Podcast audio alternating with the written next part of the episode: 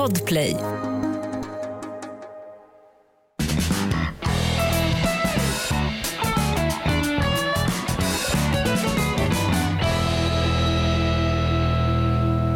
Ja, då har vi samlats här återigen för en häktesförhandling i skepnad av en podd.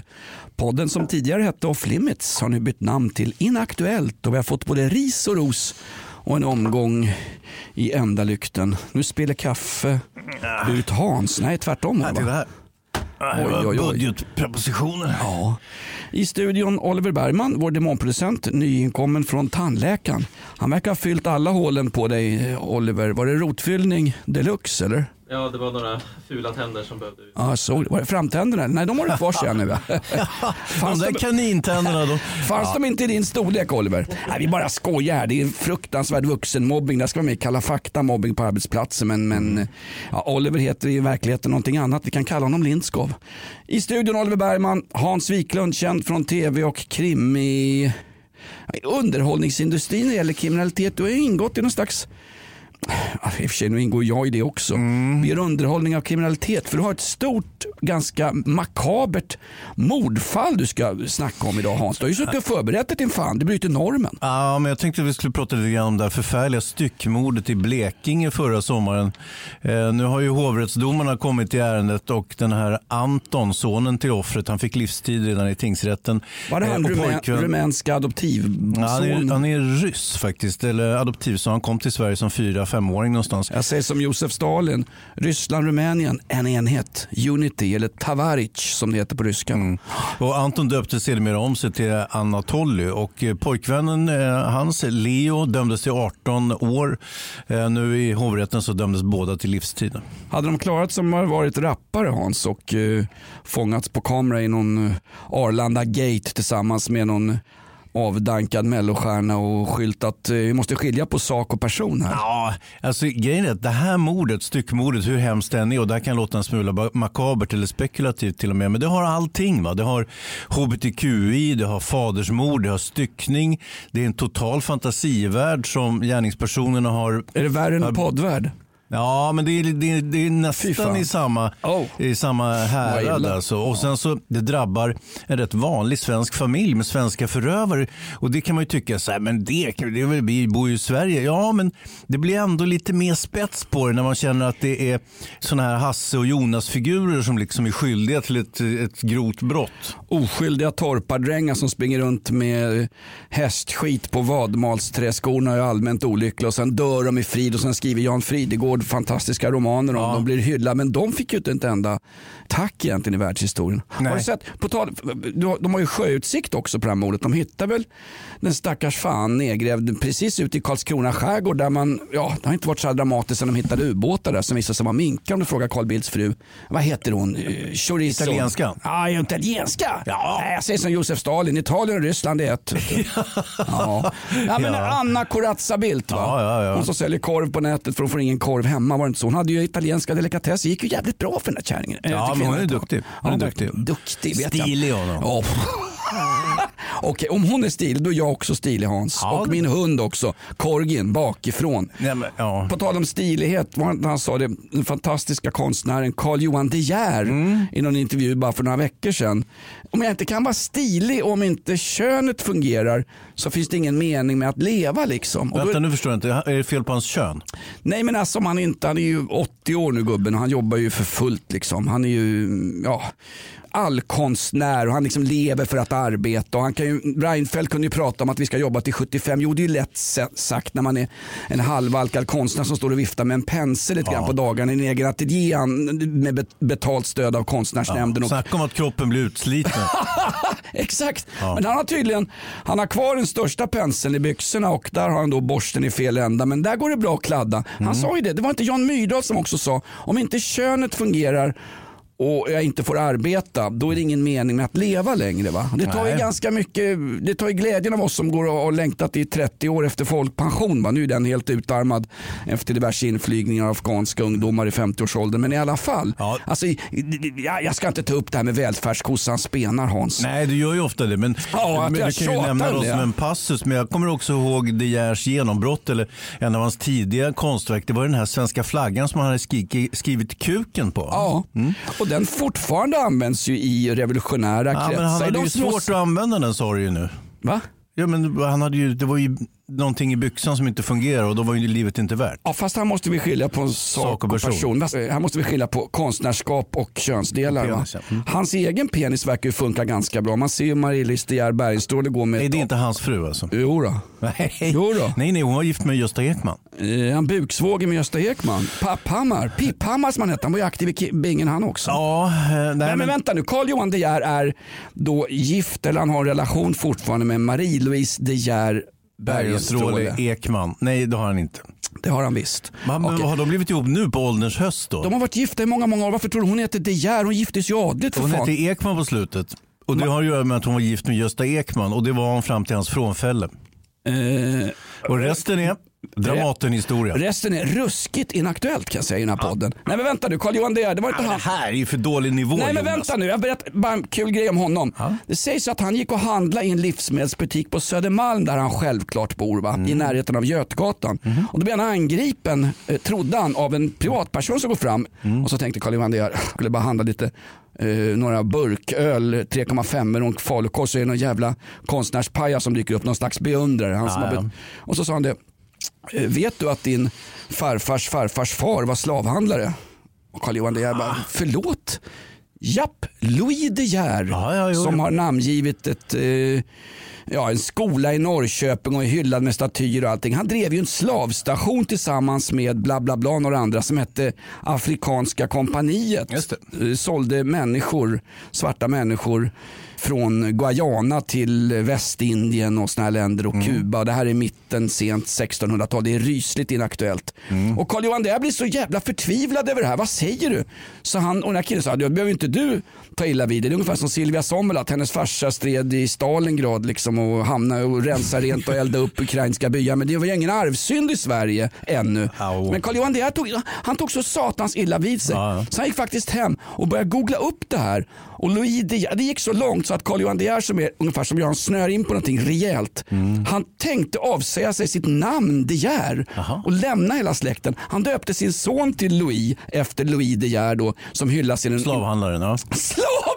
Nu, har- nu har han reducerat! Ja, ja. Exakt! Slavhandlaren Louis De Geer. Vem finansierade Louis De Geers förbannade slavapparat? Jo, det var ingen mindre än den hyllade powerkvinnan drottning Kristina som man gör feministiska dokumentärer om på Mm. Sveriges Television för dina och mina och för banne med Lindskov och Bergmans mediaskatt också. Ja. Så dra ner dem där de ska vara. Drottning Kristina sponsrade slavhandel. Glöm inte vad du hörde det först. Det här är rykande inaktuella nyheter från mitten på 1600-talet. Och det är sant. Carl Johan De Geer kom till och med i kontakt med någon snubbe i Brasilien, det här är otroligt, med en kille i Brasilien vars ättlingar var slavar och han hade De Geer som en slags sån här nemesis-namn tatuerat på kroppen. Jaha. Carl Johan De Geer åker till Brasilien Och ber om ursäkt. Hallå! Eh, Disculpa mig. Exakt. Disculpa mig. Han greps av Tropa de Elite för sitt konstnärskap. Nej, men han åker dit och pratar med de här människorna som då hans farfars farfars farfars farfars far Farfars. Louis De Geer fängslade, slog i bojor som en annan svensk skattebetalare och tvingades jobba stenhårt för någon annan. Ja. Det, det här, om, om detta ska ni berätta! Nej men det är ju det vi sitter och gör, eller inte ja, men det är vi, ingen du. som lyssnar på det här. Nej, det vet väl jag också. Men Carl, Johan De Geer, hur gick det med hans namn? Har han avsagt sig sitt namn? Han är ju också nyfattig adel, va? Han är Ja. inte en sekin den här liran. Han har avsagt sig adelskapet. Ja. Eh, han hade ju också det fantastiska eh, konstverket Skända flaggan med, vad hette han, Kjartan va?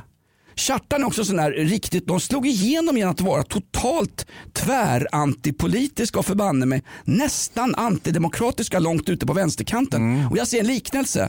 Om jag får vara Carl Johan De Geer med en fun- fungerande pensel i mysbyxorna. Du får vara Kjartan. Vet ni inte vem Kjartan är i konstnärskretsar? Googla skiten. Kjartan var den första stora eh, bidragsparasiten, men det är alla konstnärer. Ja, jo, Nej, men ni, känner ni inte till Kjartan? Man Jag har aldrig hört, fattar, är det ett namn överhuvudtaget? Kjartan är ett smeknamn. Kjartan och Carl Johan De Geer. Nej, Kjartan. Två... Frans Schartau? Mm, Nej, alltså, vi, kom, om ni inte vet vilka personerna är då blir ni lika obildade som min polare. Nämn Ra- inte Petri nu. Nej, Petris kräftskiva i helgen Hans. Ja, hur fan gick det? Åh, den gick ju inte av för hacker men Nej. däremot inte så mycket besökare. Hans fru stack vid åtta, Ja. Mikaela skulle hem till vovarna. Han och jag satt vid halv tolv och då var det läggdags av Petter. Han har ju helt tappat stilen. Jaha. Ja, det var inte många år sedan han pissade på en killes mockadojor på en herrmugg i Millwall och fick nästan stryk. Nu går han och lägger sig vid halv tolv. Avgår Löfven. Nej, men alltså man blir... ingen powerkvinna direkt Petri längre. Nej, man blir vuxna apropå powerkvinna. Det intressanta med de här två döm, till dömda mördarna, ja precis, med det förfärliga styckmordet i Blekinge.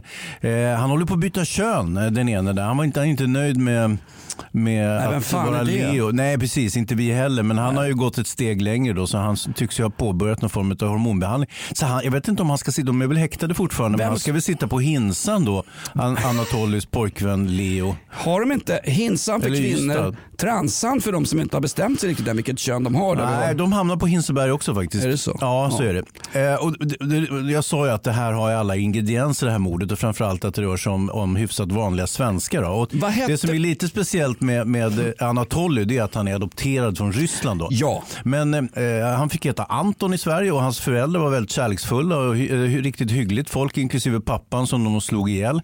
Och, eh, de, Får jag bara fråga, det är det här mordet som i media kallas för Karlskrona-mordet, eller hur? Ja, det har kallats lite varje faktiskt. För det är ju både styckmord eh, och hbtq-mord och eh, fadersmord. Va? Så det, det, det, har ju väldigt, det har ju alla ingredienser på något sätt. Det är det vi försöker komma. Här tar ju rent bibliska proportioner för att citera Jan Myrdal igen. Ja, eller, eller mytiska. Jag tänker på Oidipus, du vet han Ja. som var så sned på sin pappa och slog ihjäl honom. Just det, och sen tog man ju bort Deepus och så kom ju oj-musiken från England. Det var Champ 69 och Ja, och, och Massa bra band. Foreskins. Foreskins. Det, Fast? Foreskins spelar ju inte i Israel, där får du inte ha förhud va? Vad är de Ja, det, säger? jag tror det var annat som hindrade dem från att åka till Israel förutom förhudsproblematiken. Det var väl också att de var nazister? va? Ja, nej, inte får. Ja, nu, Ja, nu hamnar vi. Ja, alltså, tillbaks till Kjartan. Det är nog mer allom bekant i denna rykande inaktuella podd. Var rockbandet Foreskins nazister? Jag skulle säga att de inte var det. Däremot så var väl brittiska Screwdriver det. Med den här Ian Stewart som fortfarande hyllas i ganska obskyra otäcka högerkretsar. Jaha, exploited. Exploited var ju från Edinburgh och jag har själv krökat med Watty när han spelade på konsertstället. Vänta, An- var det då du hade jättekort hår och stora kängor och uppvikta flammiga byxor? Nej, jag hade inte flammiga byxor. Det var ju psoriasis. Jag gick runt i hotpants. Ja, var... Du, du såg en polis i veckan i shorts förresten. Berätta. Nej men här, vad, vad var det du såg ju han... Det var ju Maggan Andersson kom ju med budgeten och stoltserade för Där har du en powerkvinna. Ja, precis. En verkligen. powerpoint-kvinna. Ja, och, och hon höll stort hov där och det var en jäkla ansamling med folk. Det var i tredje statsmakt, du vet vi, media. Och så var det sä säkerhetspolisen och så var det någon vanlig polis också. Men det var inte vilken vanlig polis som helst. Det var en, en farbror blåutklädd. Ja. Och det var ju han Martin eh, Melin, du vet Robinson-Martin. Alltså han har en förmåga att dyka upp hela tiden så fort det är något ingripande på stan. Och fan är han där. Det är ju som man tittar på en Pippi Långstrump-film och det är bara två poliser som alltid dyker upp. Kling och klang du vet. Exakt. Och då är han nästan likadan den här Melin. Då. Han är ju alltid med. Han, det var ju liksom mordet på Anna Lind. Ja, ja, han var där och för, för, gjorde livräddande åtgärder. Och det var, du vet, han, han är alltid med. Så att den enda polisen man ser i tvn det är han. Och då, då är det i och för sig så här, han är, det är en dekorativ kar. Eller Ja. hur? Jag menar, fulare poliser finns det ju. Ah, ska man kunna bän- bända isär skinkorna på utan att det ens var mellodags alltså. Ja, Snacket går att han till och med var med på Palmemordet. Att han stod i kortbyxor där med sin mamma. Ja, och, exakt. På skon. ja. Titta, titta vad som hände. Farbror vart skjuten. Men alltså det är märkligt, det är höstbudget, det är Magdalena Andersson, Mm. hon som ska ta över efter Löfven och använda ungefär samma cue card. Det är inte en öre till de gängkriminella och powerkvinna och eh, ja, de, de letade efter någon med kompetens och eh, de hittade Magdalena Andersson. Mm. De skulle ha en kvinna, hon är ju som en kar, hon är ju värre än vad vi är Hans. Ja, Hon, är hon, också- är, ju- hon är oförskämd mot journalister feminister, det ska man inte vara. Nej, hon är hårdför alltså, och hon har också förstått att när män måste vara väldigt försiktiga när de beter sig i offentligheten så kan kvinnor bete sig lite hur som helst, vilket Ja. hon ju utnyttjat 100 procent. Hörde du den där debatten häromdagen på, på Studio 1 i, i, på radion? Ja, men hon mot eh, Ja, den här, eh, Svantesson. Svantesson, eh, moderat eh, ekonomiskt mm, sakkunnig. Det var, ju, det var ju rena slagsmål. Ja, det var det faktiskt. En riktig catfight. Och det var väl lite grann så, här så att eh, när, när Magdalena Andersson säger till Svantesson, det är ganska roligt att sitta och höra dig prata om prioriteringar till de sämre lottade i samhället. Alltså det var bara bom, bom, bom. Till slut låg ju Svantesson på marken och så satt Kristersson över och tänkte, ja ska du ta över Moderaterna efter mig när jag hoppat av? Nej, dags att göra en Cleveland Steamer nästan på Nej, bröstkorgen. nej, nej, det var inte aktuellt tror jag. Nej men alltså Svantesson hade ju svårt jag tror att hon heter Santesson. Va? Ja, det, det, Det måste vara rätt namn. Ja, men det är som han stjärten, vad heter han? Vad tog han vägen? för? Kjartan. Ja. Ja, men det får ni, det- alltså det, jag måste ju ha någon slags konstnärlig nivå här. Ja, snart är det väl Anders Mellangård som har kört runt halvfull i en golfbil och fått sparken från alla jobb på TV4 utom deltidstjänst på Mandelmans gård. Det här är ett betalt samarbete med Villa Fönster. Du behöver lite mer tryck nu Jonas. Tryck! Villa Fönstersnack med Linnea Bali. Villa, villa, fönster, fönster, fönster med Bali, Bali, Bali. Jonas, nu tänker jag lära dig lite om Villa Fönster. Lär mig baby. Villa Fönster är en rikstäckande leverantör av fönster och dörrar till dig som konsument och byggföretag. Och vet du vad Jonas? Vadå? Jag har en spaning. Ja. Det som gör dem så unika är att de har Sveriges bästa leveranstid. Ja, det går undan har jag hört va? Ja, det gör det. För man tänker kanske som konsument så här, åh nej, det här kommer ta så lång tid. Men inom tre veckor alltså så har du ett svenskt nyproducerat fönster som är redo för omgående avhämtning eller leverans. Oj, oj, oj, inom tre veckor. Är det inte så också, jag har hört ryktena, de har Sveriges största fönsterlager va? Ja, med 500 olika varianter av fönster. Och eftersom de allra flesta av oss vill ha olika storlekar på fönster så kan Villa Fönster dessutom göra anpassningar såsom spröjs, spaltventil med mera. Oj, oj, oj Linnea, du övertygar här. Du vet inte vad en persedel är för någonting, men spröjs och spaltventiler. Här har jag nästan läst på universitetet om det här. Ja, och är det någon som har koll så är det Villa Fönster. Historisk referens här. Har du? Ja, alltid.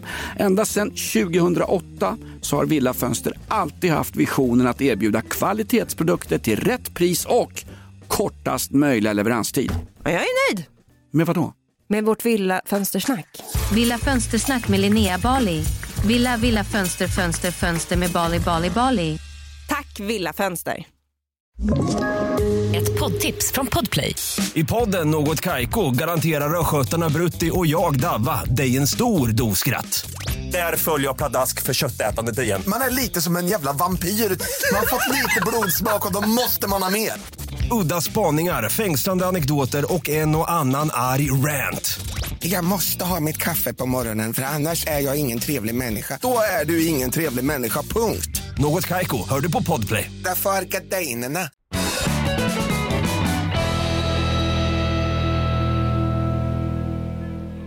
Styckmordet i Blekinge nu då. tillbaks- Sonen, tillbaks sonen, han bor, eh, sonen han bor med pojkvännen i pappans lägenhet, alltså pojkvännen som är väg att bli flickvän.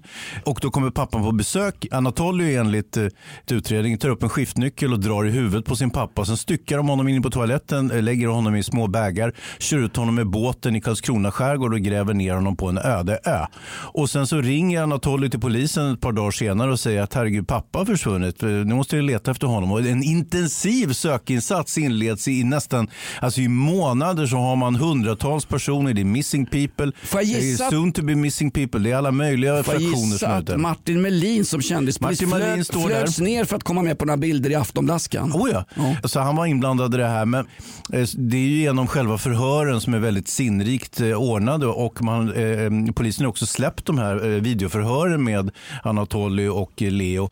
Eh, och det är, det är så vi vet detaljerna här. För de visades ju i en dokumentär som heter Mytomanen som gick på tv häromdagen. Ja, men det var väl ändå eftermälet till Stefan Löfvens regeringstid? Mytomanen, ja. ja. Ja, Nej, men får jag bara säga, alltså den här pappan då som de mördar och lägger i små eh, hundbajspåsar och sprider ut över Karlskronas fantastiskt vackra skärgård. Ja, väldigt vackert där. Ja, ta en titt i Karlskronas skärgård nu när det ska hemestra när Tegnell ska börja vaccinera femåringar också i FHM-hysterin här. Eh, nej, men han hade ju lånat ut en jäkla massa pengar till de här två grabbarna. De hade drivit något slags konkursmässigt café Ja. i centrala Karlskrona. Inte en käft var inne och, och käkade hårda kanelbullar men nog skulle de dra en 200-300 000 kronor. För det var ju något lån eller någon finansiering för pappan var ju så glad att de här den ena, alltså hans adoptivson hade varit en stökpelle men kommit på en slags rätt köl. Ja, han- De är, de, han spelar piano den fan också, det är alltid misstänksamt. Ja. Folk som spelar piano från Lars Roos till Robert Wells. Akta er Och intresserad av opera, ännu Ja, värre. oh, det- Pavarotti, ja, ja. eh, Jussi Björling och så vidare.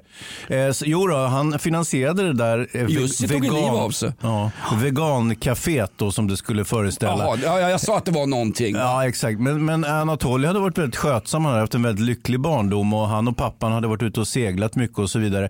Men eh, under senare tid så hade Anatoly börjat få för sig att pappan och mamman hade utnyttjat honom sexuellt och dessutom misshandlat den. Så det här varit utrett av eh, sociala myndigheter då, i god ordning. I Eh, den, här i, den, kommer- I den ordningen eller? Här, misstanke om sexuellt Ja, det kom ju först och sen kom utredningen av sociala myndigheter givetvis. Men här vill jag, man ju, här vill ja. jag citera, citera Hanif Bali. Va? I vilken ordning kom det, det sexuella utnyttjandet i, så, i sådana fall? Alltså? Före eller efter läxläsning. Ja exakt. Hanif Bali är avstängd, han har fått gult kort. jag Satt och tittade på film en kväll när frun var bortrest eh, med en 17-årig tjej. Alltså, Mm. bara, bara där är det ju Tjartans konstverk av alltihop Hans. Mm. Åter till mordet i eh, skärgården. Ja, eh, och då är det väl som så här då att eh, ung eh, Anatoly. Anton, Anatoly, som han har döpt om sig, han ville ha ett mer ryskklingande namn plötsligt. Det var en sorts, han kanske började frigöra sig men han började också utveckla väldigt egendomliga sidor. Han, det vill säga han ljög precis som allting och då, in, då inkom det här klagomålet på föräldrarna att de hade utnyttjat honom sexuellt. Men det där avslog eh, polis och sociala myndigheter. Det fanns ju ingen som helst sanning i det. Han hade bara hittat på det helt enkelt. Ja, och där- Samtidigt hade han börjat hitta på saker som att hans pappa var en hemlig agent och torped och hade mördat massa människor. Eh, Så att det fanns ett helt fantasibygge kring pappan Eh, och det var det de skulle reagera på. Det var därför eh, Anton och Leo skulle slå ihjäl gubben. Va? Men alltså, heter man Anatoly och driver ett vegancafé, bara där ringer lite larmklockor. Alltså Mm. någonstans. Det är en person som vill verka, kanske ungefär som du och jag, mer viktig och mer betydelsefull än man kanske i verkligheten Alltså- är. Va? För det är alltid jobbigt att veta att man är en satans loser som ingen bryr sig om. Det har jag känt i 40 år tills jag jag för dig Hans. Han hittade även på en egen kampsport. Han var en- engagerad i det lokala jujutsu-gymmet där nere. Alltså inte samma jujutsu som jag håller på med utan någon mer lite hokus pokus jujutsu. Alltså japansk eller sportjujutsu där man får, s- håller på med lite annat. Och där han påstod att han hade en syster i Tokyo som hade hittat på en helt egen stridskonst som han nu, eh, Anatoly, undervisade i. Och jag tycker väl kanske att chefen för dojon eller gymmet där borde väl ha anat oro när han såg att snubben inte visste vad fan han höll på med överhuvudtaget. Men han fick ju fortsätta med den verksamheten. Alltså, och det var han- där han också träffade den här Leo som numera ska byta kön. Okej. Alltså han, han omgärdas ju av människor som måste vara bra förbannat godtrogna. Nästan i klass med eh, förhörsledare på Migrationsverket. Vad en personen som dyker upp här säger så är det förmodligen sant. Och vi kan inte riskera att inte eh, Ja, men jag, jag tror att många... Han ser inte ut som en kampsportare, han ser ut som hälsenan på en talgoxe killen. Ja, han är faktiskt nästan dvärgväxt. Alltså han, nu är det så här... Kolla Kan han till- bli justitieminister i nya regeringen då? Där Nej, det det populärt inte. med kortväxta Nu sitter där. han ju på livstid men jag Ja. undersökte om han hade eh, fått något dvärgbidrag för det kan man ju nämligen få. Och så vill jag ju inte stöta mig med vänsterhegemonin och eventuella kortväxta aktivister och sådär. Så jag försöker läsa in mig lite på ärendet och se vad är rekommendationen att man bör kalla personer som är under 1,50 till exempel Anatoly i det här fallet. Lilliputtar sa man ju på tyska cirkus under hela 30-40-talet. Det är inaktuellt. Lilliputt det är ett uttryck vi knappt använder i den här podden ens. Nej det är det inte. Lilliputtar, de har ju... det De har är ju Gullivers resor också.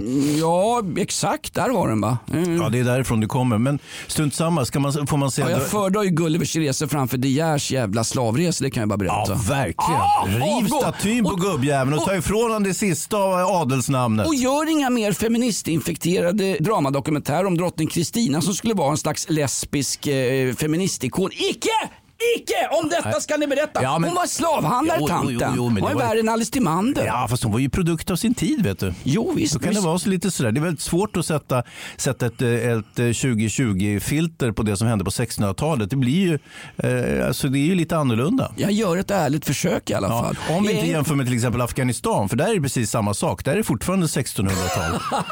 Men det är också vårt grannland var här. Det var det mest betydelsefulla landet i hela världen för Sverige. Ja, helt visst. uppenbart. Sveriges Televisions Aktuellt-redaktion har ju döpts om till Afghanistan-redaktion. Rapporterar bara om Afghanistan dygnet precis runt. Ja. Alltså. Trots att det är folk som slänger in handgranater hos oskyldiga hemslöjdstanter i Rotebro så är det fortfarande fullt fokus på Afghanistan. Det märkliga med det där det är att svensk media tycker Afghanistan är så förbannat jobbigt. Men varken Sveriges Radio eller Sveriges Television har en, inte en enda egen korrespondent i världens största korrespondent. Ja, men Expressen har ju en. Ja, Expressen har en, men det är för fan privat betalt Hans. Det slipper åtminstone du betala för. Om afghaner... Jag går och köper den där jävla tidningen. 30 spänn för, för Men papperstidningen. det är kanske den sista värdiga gubb... 30 spänn, vad blir det om året? Det är, det är ju tusentals kronor. Det, det är ju värre än mina jävla streamingabonnemang på Netflix och HBO Nordica och allt vad det är. Ja, men du, hade ju, du har ju gått ur Svenska kyrkan för... Nej det har jag faktiskt inte. Jag är ju tyvärr kvar. Jag, Nej, men du skulle jag, jag, gå- visst, jag, skulle ju gå ut nu när jag hörde talas om att det var ett val. Jag trodde de hade stängt ner hela skiten. Visst det var ett, ett val? Vad, vad väljer man? Vad var det du sa? Om man, man trodde på Gud eller om Gud finns eller inte? Var det det man röstade om? Om Gud finns eller inte, det kan man inte rösta om i ett svenskt kyrkoval. För det, lite, det kan vara för kränkande för de gamla fasta medlemmarna. Det är väl, handlar väl om, ska det vara rött eller vitt nattvardsvin eller ska det vara sour cream chips till nattvardsbrödet? Inte vet jag. Jag är ju avhoppare, jag är ju utfälling, jag är outcast, jag är lite grann som Foreskins på Oj-scenen. Mm. Jag hoppade ju av Svenska kyrkan. Jag sitter och väntar på, inte kyrkovalet, moskévalet Hans. När är det? Det tycker jag verkar intressant. Där vill jag vara med lite grann och påverka. Det här med att till exempel finns att kvinnor inte får gå in genom huvudentrén på en moské. Tycker jag sånt där är viktigt man kan ta upp i, i, i ja. Ja men absolut. Och, och jag tycker Nähä. också, nej men grejen är också att de kommer ju inte att vara Allas beroende. lika De kommer, värde. ja men de kommer heller inte vara beroende av vår finansiering. För att pengarna kommer ju direkt från Saudiarabien till moskéerna i Sverige och då slipper ju vi betala för det. Jag tycker att det är en win-win om jag ska vara helt ärlig. Ja, fast Saudiarabien är ju inget land, de är ju ett krigförande land så att dit ska vi ju inte ha någon Ja, vi form säljer av... inte ens vapen. Jo, det gör vi. Varsågoda. Satir. Grattis Herregud, de hörde att de sköt ihjäl nio motståndsrebeller nere i Jemen. Då. Jemen, de har ju en hutu... Nämen. Nej men jo men Jemen. Eh, De har ju... Ja. Hutu-rebellerna i Jemen finansieras ju av Hizbollah och diverse islamistiska organisationer.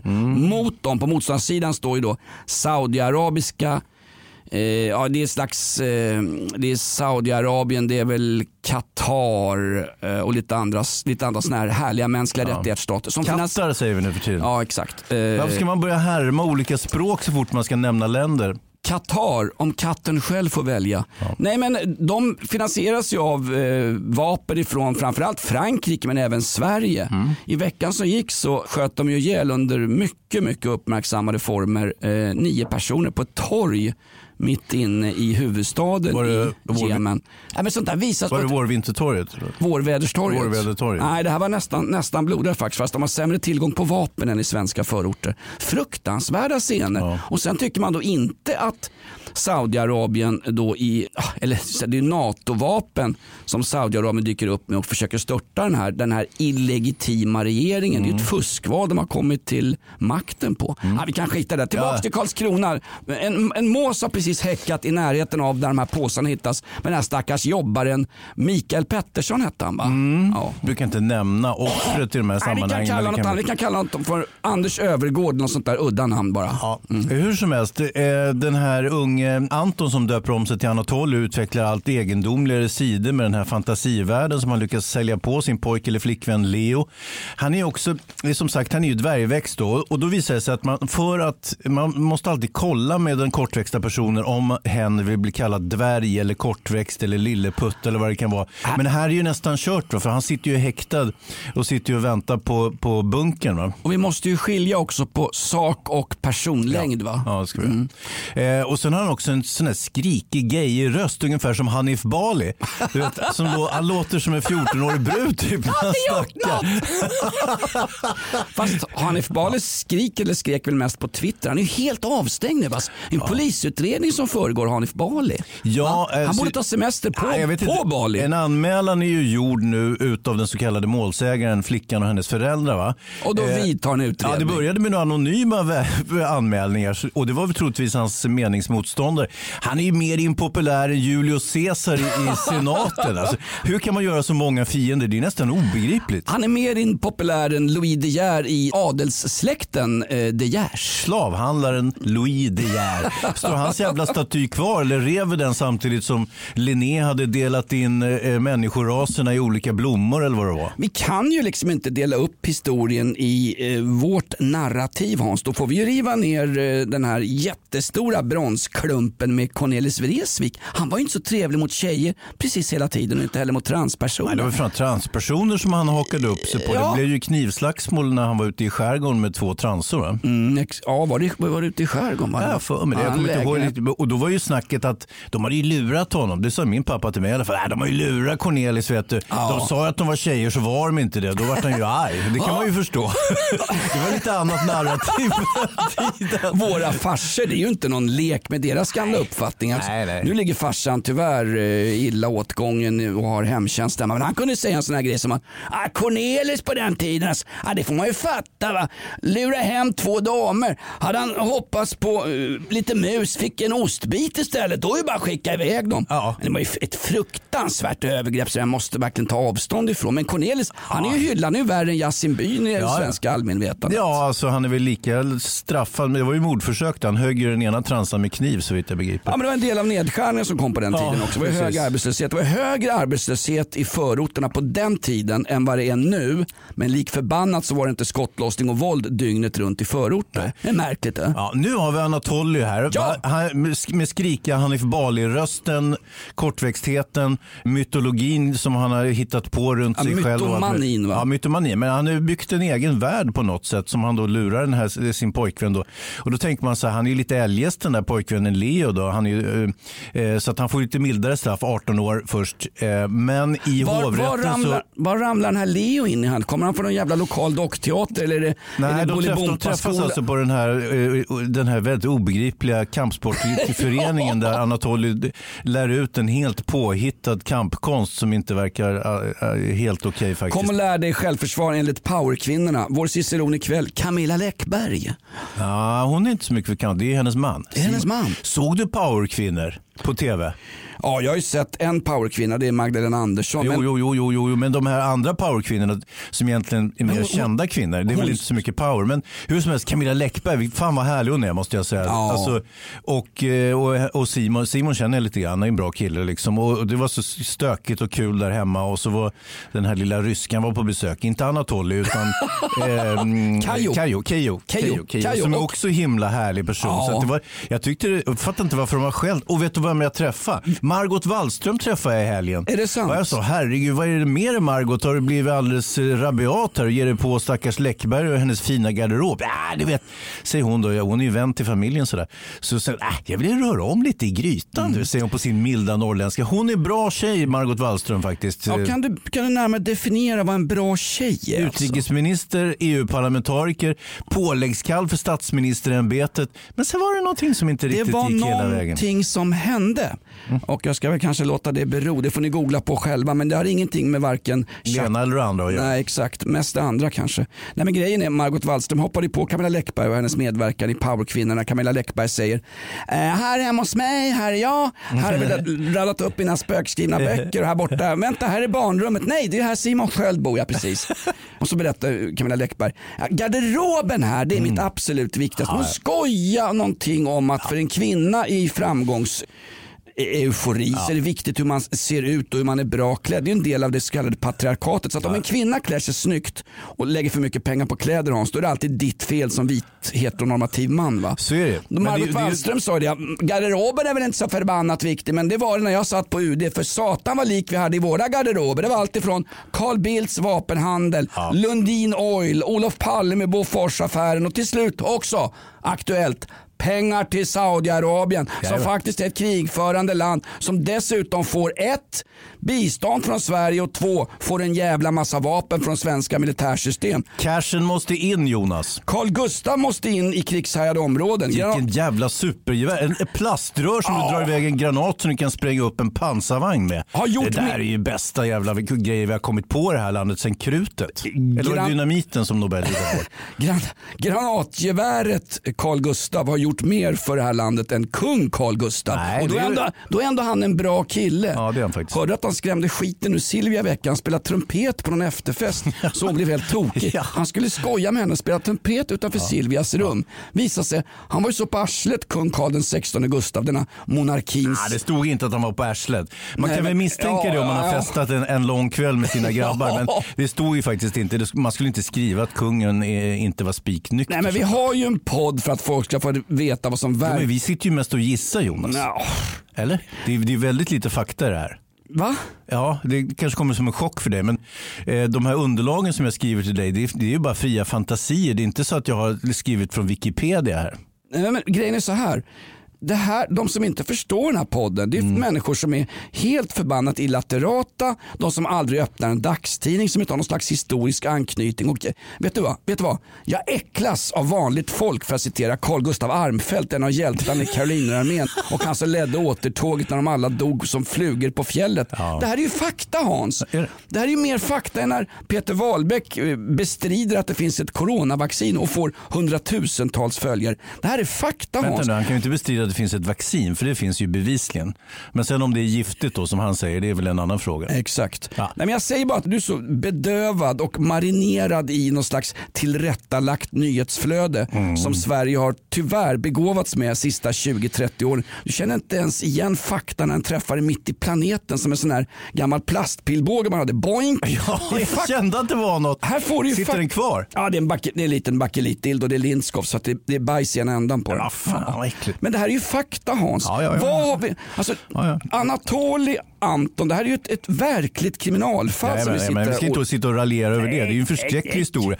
Men icke desto mindre så har de ingredienserna som gör att det här blir intressant för den breda allmogen och inte minst då för mig som ju är en, en, en del av allmogen. Den har ju allt. Jag säger som när jag går till min urolog. Herregud Nilsson, jag får hålla för näsan. Ni har ju allt här. Titta bara på blåsorna längs skaftet. Det här fallet Det är i alla innehåller fall ett skaft. Men det här kriminalfallet, det måste bli en film av det här Hans. Ja, jag undrar det. När Eh, tiden har gått ett tag. Ja, det är möjligt. Alltså, för att, eh, vi, och mycket tack vare den här väldigt välinformerade dokumentären som gick i TV4 som det hette Mytomanen. Det var, då fick man ju väldigt mycket information. Det var ju tack vare polisen att man släppte på förlåtet. Jag hade ju gärna sett långa förhör med Yasin Byner de där också, men det verkar man inte se så intresserad av att släppa ut. Men det är just att allmänintresset blir så oerhört mycket större när det handlar om svenskar eller eh, folk som verkar relativt vanliga. Det vill säga de skriver inte rapmusik och sånt. Det finns en gammal kvällstidningsregel som säger att kan man bygga upp en kontrast redan i ingressen i en eh, nyhetsartikel så är man hemma någonstans. Det är ungefär som den vanliga kvinnan skulle lämna barnen på dagis, hamnade mitt i skottlossning Ja, ja. med Bandidos. Den här kontrasten blir ju någon slags effekt. Va? För problemet är väl att man använder den här kontrasten även när det inte är en kontrast. Här kommer en person utan tänder med ett stort heroinproblem och kallas för vanlig mamma i tidningen. Förstår du? Så det, det är inte alltid som att den här kontrasten i verkligheten finns utan det är mer att man skriver det så. Ungefär han hade som- precis fått rättsida på sitt liv. Jaha, rättsida från vad då? Jo, han Ja. hade ju suttit för mord i 20 år och kommit ut och sen begick han ett mord till. Ja, då hade han väl inte fått rättsida på sitt liv? Så fort någon... Eller? har inte jag heller. Så fort någon skjuts i det här landet så intervjuas alltid någon morsa efteråt och de får säga ja han skulle precis lägga av med den här verksamheten och han hade planerat att börja studera i höst. Ja. Är det är någon cue-card de får varenda morsa till någon kriminell som har tagits av daga? Ja, det är tror- exakt samma uttalande. Ja. Påminner om hon den där, vad heter hon som ska ta över SSU nu? Hon som hoppar... Polisen.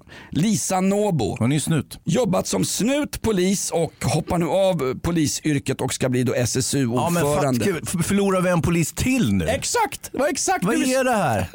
Vi tappar en polis och får en extra politiker. Hon är ny SSU-ordförande. Det första hon säger, vad vill du göra åt gängkriminaliteten och otryggheten i Sverige? Ja, se till att välfärdspengarna stoppas. Ungefär. Inte en krona ska gå till de gängkriminella och vi ska punktmarkera de som begår illdåd ute i förorterna där vanligt folk bor. Alltså det måste ju vara Stefan Löfvens gamla cue-card som han lämnar på något skrivbord i Rosenbad. Hej, vill ni säga något nonsens om att vi inte gör ett smack mot någonting egentligen? Ta de här korten bara. Jag avgår nu, hej på er. Jag ska käka middag hemma i Göran Perssons slott vid Sörmländska Det där sjön. med punktmarkeringen kan ni glömma bort helt och hållet för det kommer de inte att lyckas med. Det går ju var inte med också- svensk Eh, lagstiftning. nej, jag det kan du göra i USA. I svensk lagstiftning funkar det inte att det punktmarkera. inte. Och det här med att sluta skjutkampanjer och annat skit de hittar på. Så fort det är en minsta minskning då springer Damberg upp på, på palissaden och säger "Va, nu har vi brutit en trend där. Mm. Vi är fortfarande i Europatopp när det gäller både skytteligan och kast med liten handgranat in i oskyldigas fönster. Så är det verkligen. Jag hörde en intervju med en kille som jag känner, Kristoffer Boman som är eh, områdeschef ute i Järva på polisen. Och han rabblade upp exakt samma sak faktiskt. Just det här med punktmarkering. Nu ska det vara jobbigt att vara kriminell i Rotebroområdet. PGA, den här handgranatsattacken. Nu återstår väl att se ett, lite mer trovärdighet när en polis säger det än när en politiker säger det. Men, men icke desto mindre så tror jag att det blir eh, ganska besvärligt. Viss, vissa poliser går ju faktiskt politiska ärenden. Det är den polisen som säger vi ska punktmarkera de gängkriminella. Ja, då sitter den breda populösa som är livrädda för sina döttrar och söner och allt vad det är. De sitter hemma i sina lägen och tänker åh vad skönt att någon gör någonting. Klipp till nästa nummer av Aktuellt. Vi har inga resurser. Vi har inga resurser. Och Ja. dessutom de få poliser vi har, de blir politiker istället. Exakt. De skickade en, snuten gick back en halv miljard. Nu har ju powerkvinnan Magdalena Andersson fixat till, hon gav faktiskt mer pengar till Jävlar, polisen. vad än det vad den de- där än vad de budgeten. själva äskade. Det måste ha varit någon polischef som tänkte, fan vi fick ju mer pengar än vad vi begärde i nya budgeten. Nästa gång tar vi så vi spricker. De fick ju massor med pengar av Magdalena Det Andersson. var ju samma sak med Tullverket. De fick ju också för mycket pengar. Det är 2000 personer anställda på Tullverket. Ska vi säga att någon procent av dem faktiskt står ute och vaktar våra långa gränser mot eh, lastbil, in, införsel från både från öst och söder. Eh, Fast där måste däremot jag rätta det lite grann Hans. Vi Jaha. ska ju inte ha bevakning vid gränsövergångarna därför att EU hade ju en yttre gräns som skulle skydda Ja, oss. är- problemet, problemet är bara att det var Grekland, Rumänien, Bulgarien och andra pålitliga trovärdiga framgångsländer. Tjena, vet du på riktigt, det var en intervju med hon högsta tullchefen, vad heter hon, Charlotte Svensson. Ja. Lördagsintervju med min AIK-broder Martin Wiklin, tror jag det var. Eller men det är söndagsintervju, jag har ju svårt med lördag och Ja, söndag. söndagar är den lättsamma intervjun och lördagar då har man en, en politiker. Finns det någon svår intervju i Sveriges Radio? Jag Ja, tror men inte vad heter han? Wiklin är väl ganska tuff va? Eh, Och framförallt den här killen Anders på Aktuellt, han, eller på Agenda. Han är ju grym tycker jag. Han, är, han mosar ju sönder Morgan. Morgan kom på en halvtimmes eh, intervju och trodde han skulle få sitta och smortra. Vart helt avrättad i en halvtimme. Satt och bluddrade och det enda, enda den här eh, reportern Anders gör det är att säga så här. Morgan, eh, 2005 sa du så här. Nu säger du så här. Precis tvärt emot med samma stödsäkerhet. Du måste ju för fan vara tokig. Jag kan tänka mig när Morgan Johansson gick ur den aktuellt studien, den agenda-studion så sa han till Gick sin han snurra med sin lilla propeller? Han red ut på sin tax och så sa han det till sin pressekreterare. Du satan, där åkte jag dit. och Du. Jag var ju inte beredd på att få svåra frågor. Poddtips från Podplay. I podden Något Kaiko garanterar östgötarna Brutti och jag, Davva, dig en stor dos skratt. Där följer jag pladask för köttätandet igen. Man är lite som en jävla vampyr. Man har fått lite blodsmak och då måste man ha mer. Udda spaningar, fängslande anekdoter och en och annan arg rant. Jag måste ha mitt kaffe på morgonen för annars är jag ingen trevlig människa. Då är du ingen trevlig människa, punkt. Något Kaiko, hör du på Podplay. Därför är gardinerna.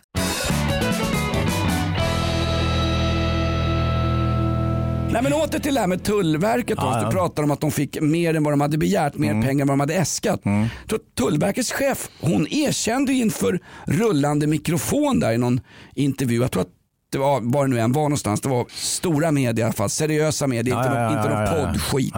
Och inte Carl-Johan De Geers konstnärspodd. Hon konfronteras då med det faktum att Öresundsbron, alltså på svenska sidan, inte är bevakad nattetid. Nej. Från klockan 22 till 05.00 har, finns det ingen som helst bevakning på Öresundsbron. Mm. Och hon skämdes knappt. Hon sa bara, nej vi har inte resurser, vi har inte bemanning att klara av det. nej, Förstår men du övertiden om du står mitt i natten, OB-tillägg och skit Kan i? ringa en Foodora pakistanier i Köpenhamn. Tjena, tre kilo ladd. Petris kräftskiva här är så jävla tråkig. Åker ni över? Ja, visst. Alltså förstår du, Va, vad hände med EUs yttre gräns? Ja, som sagt, det är ju ett pappslöjdsverk så att säga. Och det kunde vi väl räkna ut från början att vi måste sköta vår egen, egen gräns och inte bara öppna hjärtat och släppa in eh, allt jävla skit med vapen och narkotika och så vidare. Ännu värre är ju att man helt riskfritt kan frakta ut våra bilar, vattenskotrar, båtmotorer, eh, kläder, allt annat som, som de stjäl som korpar här, våra EU-länder och bara fraktar ut. Och det är, det är omöjligt att åka dit på Det tulltjänstemän, tullkvinnor och tulltransor som talade ut också och sa vi ser ju att det är stöldgods som lämnar Sverige. Från, ja, det är alltid från motorbåtar till exklusiva bilar till exklusiva bildelar. Kan inte göra någonting för vi har inget lagstöd för det. Nej men så är det ju alltid. Vi har inget lagstöd för det här. Lagen har halkat efter nu när Sverige faktiskt har som jag tycker, polisen har tappat kontrollen i vissa områden. Ja, Går jag för långt nu? Är är jag populist nu? Är jag en Hanif Bali som sitter och tittar på tv med 17-åriga mufftjejer? Har jag gått för långt då? När jag säger att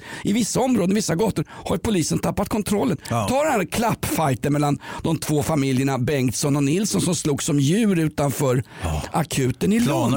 Nu finns, nu finns det ju bilder på att polisen står och tittar på. De vågar inte gå in. Tänk dig nästa steg. När de där klanerna har vapen, då har du ju per definition ett A civil war! We got a fucking civil war on our hands! Du eh, hörde... Citat Oliver Cromwell. Det är nej, nej, nej, Oliver jag Cromwell. livrädd- Nej, jag var alltså- livrädd för att du skulle rulla ut en Cromwell-biografi här. Varför inte gå närmare? Mä- Märta Stenevi, då hon helröret från Miljöpartiet där. Hon sa ju då i en debatt att hon Ja. ingår i en klan. Och, att, eh, och den klanen bestod av kvinnor och var utsatta i samhället för patriarkatets påhopp och, och eh, hugg och slag och så vidare. Och då menar väl hon att klan var någonting fint kanske? Jag vet inte. Men polisen ser det ju inte riktigt på det sättet. Man räknade ju till över 40 klaner som bedriver mm, klassisk brottslig verksamhet. Men Samtidigt bara- måste polisen vara lite försiktig om man ska börja registrera de här brottslingarna. För man gjorde det där så kallade romregistret. Kommer du ihåg det? Ja. Det var ju två eh, romska familjer som man då skrev upp vad de hette och var de bo- bodde och vad de byggde och vad de gjorde för någonting. Och då åkte man ju dit utav helvete på det där. Man sa ju det här hör vi stöveltrampet från 30-talet och så vidare. Och romska aktivister eh, lyckades trumma ut en rejäl jävla ersättning till alla de här 2000 personerna som vi fick betala. Så att, var lite försiktig med, med registreringen kring de här klanerna tycker jag. Men där fanns det ju också i det här så kallade omtalade romregistret. Mm. Själv förde jag rom och cola. Eh, Men faktum är det fanns ju en hel del människor som var totalt ostraffade. Och jag kommer ihåg när jag för många år sedan åkte på en Vad menar du med totalt ostraffad? Ja, de, fanns inte, de fanns inte i belastningsregistret. Nej men det berodde ju på att de var spädbarn och sånt. Ja men de, de fanns ju ändå med i ett register. Ja, ett register över kriminella personer. Var klaner. Ja men det kan, jag- det kan jag tycka är integritetskränkande. Jag tillhörde en gång i tiden klanen svenska fotbollssupportrar. Jag glömmer aldrig när vi åkte till Finland. Nej, de var stor- registrerade. Vi var, re- de tog kort och tog lägg på alla som klev ombord på båten. Vi var ju så korkade och så sugna på att springa in i baren där och, Mm. och fightas med varandra och få lite öl i kroppen inför matchen. Ja. Så vi, vi tänkte ju inte ens på att, jag är inte misstänkt för någonting men här fotograferas och registreras jag med mitt pass var det på den tiden. Man visar ju pass för att åka in i Finland. Ja. Oklart varför men rekommendationen från Svenska fotbollsförbundet var ni ska med er pass grabbar när ni åker till Finland. Jag trodde att inom Norden åkte man utan att visa upp passet. Det var ju snuten som hade bett tomteverkstan, förlåt, Svenska fotbollsförbundet att vi skulle ta med oss pass för vi skulle kunna bli registrerade. Jag sitter vid en gammal perm där, där jag sitter med, med sånt där pomeranian-hår och Ja. fjunmustasch och, och två blåtiror. Eller vad, vad, är det blå, vad är det du kallar blåtiror? Finska Ray-Ban. Så du sitter på en bild bredvid Juha Valjakalja där. Och så, men grejen är att... Hey, Kaj alltså, Linna, bitcoin-experten. nu säger ju Damberg att det här med eh, att man ska få eh, spana och övervaka även folk som inte är misstänkta för brott. Så det blir ju nästa steg Jonas, vare sig du vill eller inte. Ja men jag vill det Hans. Ja men du sa ju precis att du, att du vände dig mot det.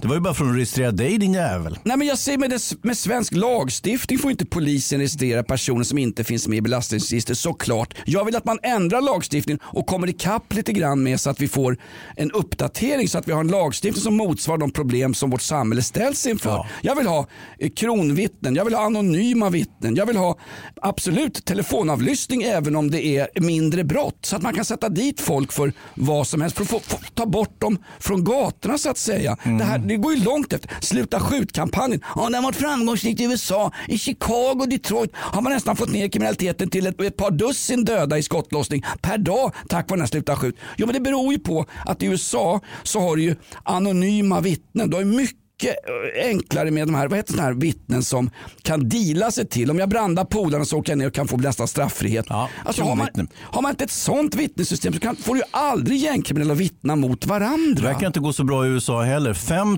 000 barn under 15 år eh, var inblandade i skjutningar förra året. Ja. Och så har man också 22 eh, miljoner nya handeldvapen som man sålde på ett år. Så det finns ju en liten korrelation där. Men så länge Jo, men vi har alltså ett, hade- att tullen bara får stå och glo och vi kan fortsätta frakta in containrar med, med handeldvapen i Sverige. Det fanns ju inga vapen förut. Det var ju därför folk slog varandra med en påk eller stack varandra med en kniv. Ja, du säger att vi har en fruktansvärd brottslig utveckling i USA. Jag köper det trots vad liksom byäldsten Joe Biden hävdar bla bla bla. Och man har privata fängelser och annat. Men, men tänk dig också om man inte hade haft de här hård, eller generösare regler när det gäller bevisföring i amerikanska domstolar. Hur hade det sett ut då? Då kanske det hade varit ännu värre. Då kanske det hade varit en liknande situation bland fattiga afroamerikaner likt den vid slavstationen som De Geer och drottning Kristina drev på Guyanas kust. Ja. Det vet vi inte. det Men det, det, det är en inaktuell fråga va? Ska vi ta och runda av det här förskräckliga styckmordet i Blekinge också?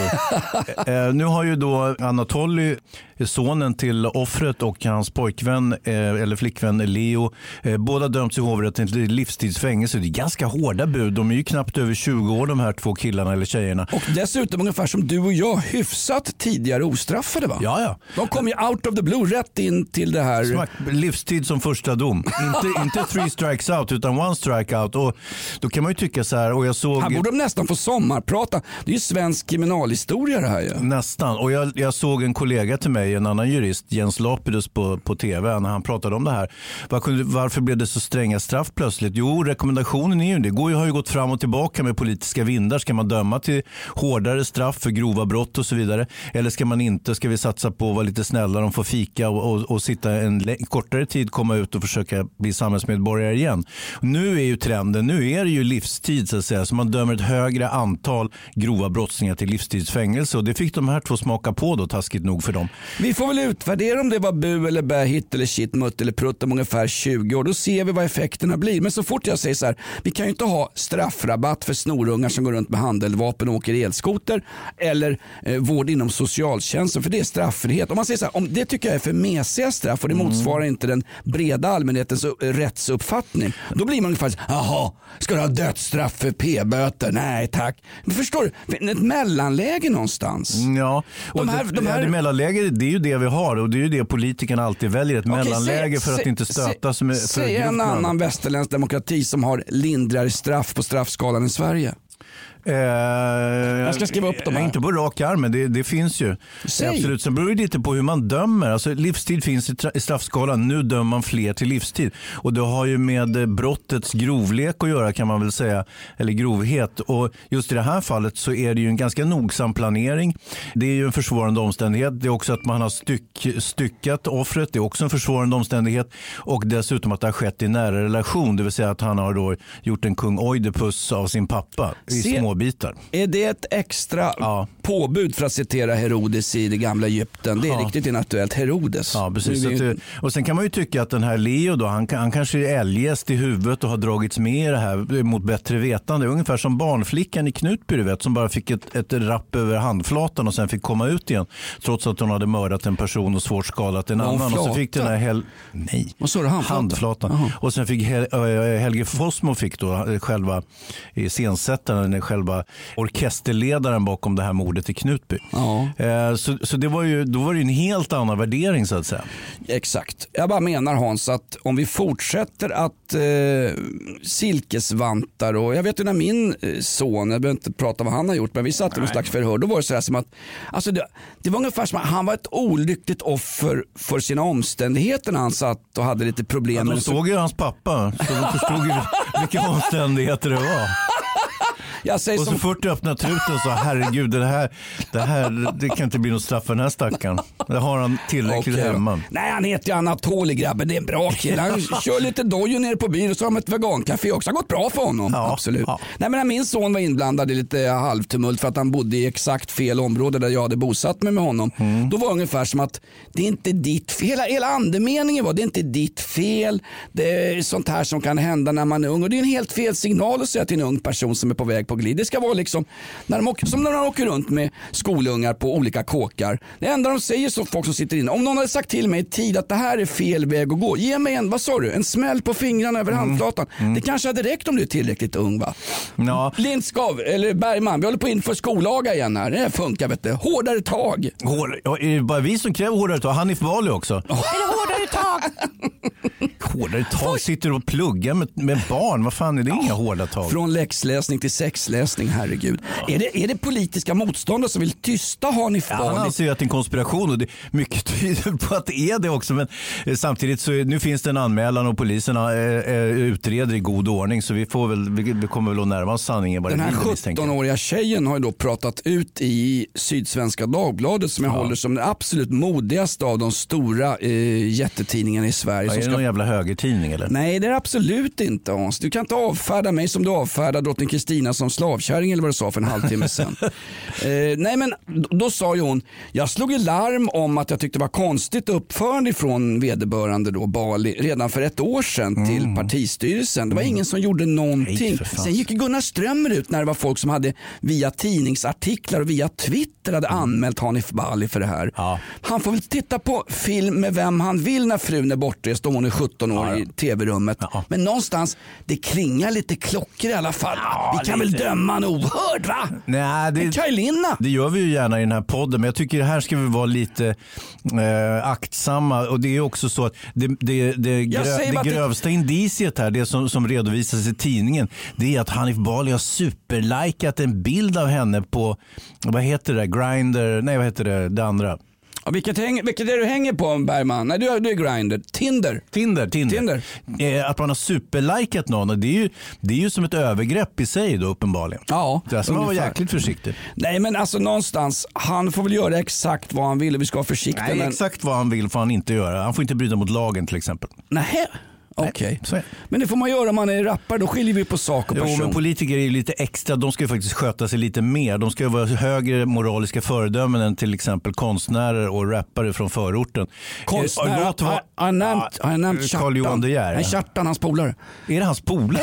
Jag undrar vad fan det. Tja- Alltså, Kjartan och Carl-Johan De Geer, om vi inte får ta upp dem i en konstnärspodd så kan vi lika gärna döpa om det här till Off Limits. Ja, när jag tänker på, mm, mm, mm, jag hör vad du säger. Nej, inte off limit, då har vi, det brände de ju på bål de jävlarna. Lindskov och hans underhuggare. Ska vi dra sanningen om vad som hände med Off Limits när han i mörka Investor-korridorer gick och pratade om eh, framtiden och eh, vi skulle investera. Han hade fått nys om att Kaj Linna sålde bitcoin på nätet. Va? Han skulle lura skiten Kaj Linna av inte bara svenska rättsväsendet utan av sjukpensionärer och som Jajamän. jag, socia- folk som bodde i socialt utsatta områden. Han torskade ju rejält Linna. hörru. Nej, det gjorde han inte. Utan mycket tyder på att det, där, det han ägnar sig åt nu det är någon form av, ja, han rekommenderar köp utav, utav bitcoin och, Men då, eh, då vill jag eller ta... kryptovaluta, inte bitcoin. Men, men Lex Hanif Bali. Han får väl göra vad han vill så länge han inte bryter mot lagen. Men i, i, i media framstår nu Kaj Linna som någon slags jävla bondfångare. Om han nu är det så bevisas ju det inte av att han sitter och kränger på sjukpensionärer med vuxenblöjor en massa bitcoin och Nej, skit. det som går stick i stäv med att han skulle bedriva laglig verksamhet är att han aldrig har haft ett vanligt jobb så vitt jag kan begripa. Utan Och inte du och jag heller. Nej, men vi har ju heller inte finansierat våra liv med, med liksom amfetaminlangning, va? eller har vi det? Ha, de straffen är ju avtjeänade va? Jo, jo, jo. Jag vet inte huruvida Kaj Linna har suttit och kollat på film mitt i natten med 17-åriga förbundstjejer från Moderata ungdomsförbundet. Ja, det är svårt att se Ja, svårt att se också, absolut. Vi börjar väl runda av Hans. Mm. Herregud vad bra det blev. Har vi ingen alternativ countryvästern? Jo, för alla som vi har nämnt i den här podden vill vi poängtera för av juridiska skäl, ingen är dömd på förhand om man inte dyker upp på en Expressen-löpsedel. Ja, då är det klart. Exakt. Ska, Eller, på Instagram. vi ska vara väldigt försiktiga med vad vi säger i den här podden, annars går Lindskov och byter namn på oss igen Hans och så faller vi Var pladask. det därför han bytte ut vårt namn? För hade vi sagt så mycket osanningar? Jag tror det! Han var ju skitskraj. Bergman, du kan väl erkänna, Lindskov sitter och lyssnar igenom allting. Och han, Han har velat blipa skit vi säger ibland. Då faller ju hela idén pladask. Och det roliga nu, vi får ju så uruselt betalt för det här Hans. Så de kan lika gärna lägga ner, det spelar oss ingen roll. Vi skulle bli en sån här Patreon-kanal så man kunde betala oss Swish lite sådär. Och vem skulle swisha för den här skiten? Inte någon aning, men Kjartan, konstnären har väl något barnbarn som kan ställa upp i alla fall. Va? Jag vet en som skulle ha gjort det, en som sjunger outlaw country. Hör på det här. Här står galgen svart mot en sol så röd 25 minuter kvar Innan solen blir gul hänger jag där död 24 24 minuter kvar. Wiklund har somnat Bergman. Ska vi tassa ut lite snyggt och säga att veckans avsnitt av Inaktuellt är klart och fini. Alla personer som medverkar i det här, eh, den här poddshowen heter egentligen något annat. Det handlar framförallt om de som vi tar upp och hänger ut på tork på Och någon sen- slags jävla tvättlina. Och sen är det ju också så att alla åsikter som är redovisade här är inte våra egna. Wiklund kvicknar till. Innan vi börjar på varv två på den här podden så vill vi tacka dig som lyssnar. Det här är podden Inaktuellt. Vi hette tidigare Off Limits i studion. Jonas Nilsson, Hans Wiklund och Oliver Bergman som var vår producent den här veckan. Stöd oss, sprid oss, de försöker tysta oss. Vill höra oss till vardags lite mer, eh, ah, lite mer velour och finkulturell, ungefär som Lena Nyman. Man dyker upp och är någon annan än, den man egentligen är. Lyssna på våran morgonshow på radion på rockklassiker från 5.30 till 9 varenda morgon. Hans, några sista kloka ord innan den här gamla... Nej, håll käften! Poddtips från Podplay. I podden Något Kaiko garanterar östgötarna Brutti och jag, Davva, dig en stor dos skratt. Där följer jag pladask för köttätandet igen. Man är lite som en jävla vampyr. Man har fått lite blodsmak och då måste man ha mer. Udda spaningar, fängslande anekdoter och en och annan arg rant. Jag måste ha mitt kaffe på morgonen för annars är jag ingen trevlig människa. Då är du ingen trevlig människa, punkt. Något Kaiko, hör du på Podplay. Därför är gardinerna.